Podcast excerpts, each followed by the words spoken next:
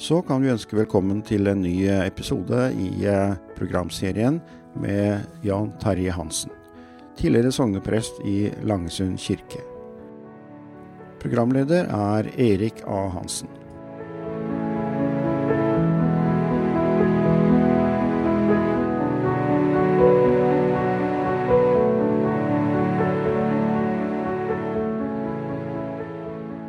Forrige uke så fortalte Jan Terje Hansen om eh, de tre og et halvt årene han var prest i eh, Brevik, stedet hvor han er født. Men så eh, ble det et vet ikke om man kan si, enda fetere kall som bød seg, da, Jan Terje?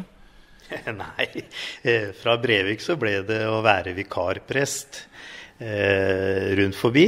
Og, og, da kom jeg bl.a. til Skottfoss og Solum og Melum og Kilebygda, der jeg var prest, også faktisk i tre og et halvt år. Så lenge. Og jeg har gode venner oppe fra der fortsatt. Og jeg opplevde det som en veldig rik tid. Eh, har i grunnen eh, vært, opplevd det som en rik tid hvor jeg har vært. Og husker spesielt ungdomsmiljøet i Solum eh, som var veldig stort, og som eh, det var veldig fart i den gangen. Og jeg husker Da hadde jeg 80 konfirmanter aleine oppe i Solum. Men da var jeg ung og sprek, vet du, og det var ikke noe problem, det. Så, men eh, så var det en eh, dag eh, jeg ble ringt etter og spurt om jeg kunne vikariere litt opp i Treungen og Nissedal. Fordi at uh, han som uh, var prest der, uh, Bjarne Sveinald, han skulle ha studiepermisjon, tre måneders studiepermisjon. Og, og, da sa jeg nei, tre måneder. Jeg hadde jo to unger og kone hjemme den gangen. det var vel før den siste ble født. Og da sier jeg nei, det er litt lenge, men jeg kan ta halvannen måned, sa jeg. Og så fikk de en annen til å ta resten da. Og da var jeg der oppe og hadde det veldig fint der òg. Eh, og så husker jeg da at det, eh, det var en natt. Eh, da bodde jeg der oppe, hadde et sted å overnatte, så jeg slapp å dra hjem hver kveld. Og så bodde jeg i et hus som, som heter Tora. De kalte det Toras hus. Hun var død for ikke lenge siden og vært en del av menigheten. Og der fikk jeg bo. Og så var det en natt jeg våkna midt på natta. Og da så jeg det sto foran meg i rommet med lysende eh, røde bokstaver. Langesund, sto det. Og, og, da tenkte jeg oi, hva var det? Og da hadde jeg egentlig ikke sett noe. Jeg fortalte jo dette programmet at eh, 18 år så så jeg Jesus. Eh, det gjorde jeg. Men utover det så tror jeg ikke jeg hadde sett noe særlig mer. Ikke, så liksom hvis noen tror at jeg er en sånn som ser og ser, så er det helt feil. Men, eh, men, eh, da så jeg det midt på natta, at det sto Langesund. Og da tenkte jeg at det, nei, her kan jeg ikke legge meg, for da vil jeg bare tro at jeg har drømt. Så jeg, jeg sto opp og satte meg i stua, og der satt jeg i flere timer helt til det ble morgen, for å være sikker på at ikke jeg trodde jeg hadde drømt. Og så blei jo Langesund ledig. Eh, sogneprest i Langesund.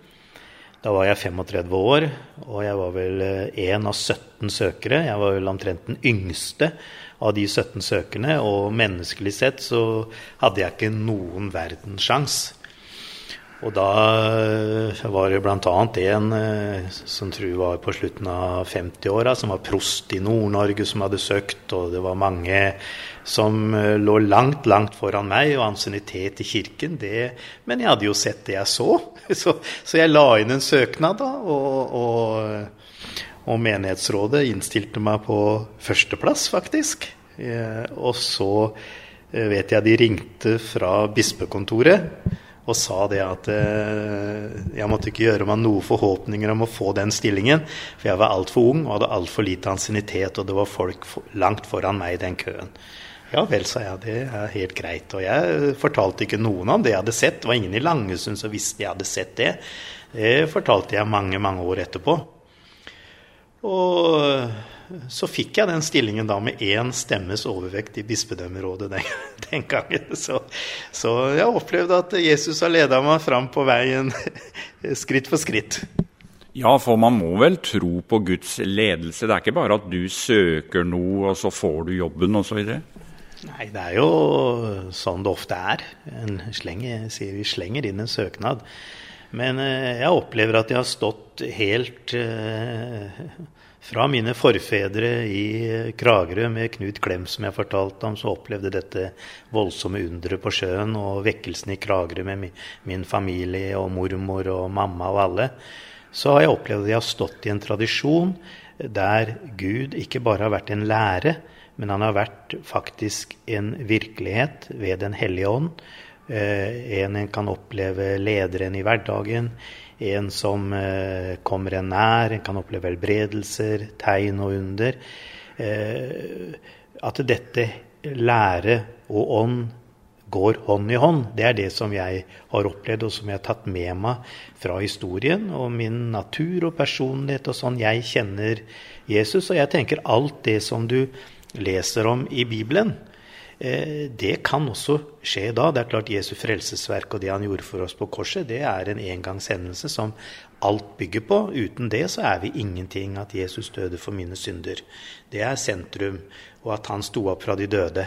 Men eh, det står i Markus at disse tegn skal følge dem som tror. Det står ikke apostlene, dem som tror. Og det er så mange ting i Bibelen som uh, tyder på at uh, dette er ikke liksom noe for en tidsbestemt tid, men det er noe for oss alle, for oss kristne. Så eh, jeg har opplevd eh, mye flott i Langesund. Jeg må si det. Det har vært eh, min tid som prest, de 30 åra i Langesund, har jeg opplevd som en festreise. Og jeg har blitt så glad i folk i Langesund. Og jeg opplever at, at folk i Langesund også har vært glad i meg. Og det har vært en flott tid. At mange i Langesund er glad i deg, det ble tydelig eh, sagt og skrevet i forbindelse med at du nå nylig ble pensjonist. Jan Terje Hansen vil vi snakke mer med neste uke. Og vi takker eh, Erik A. Hansen, som jobber altså i mediegruppen Gredland.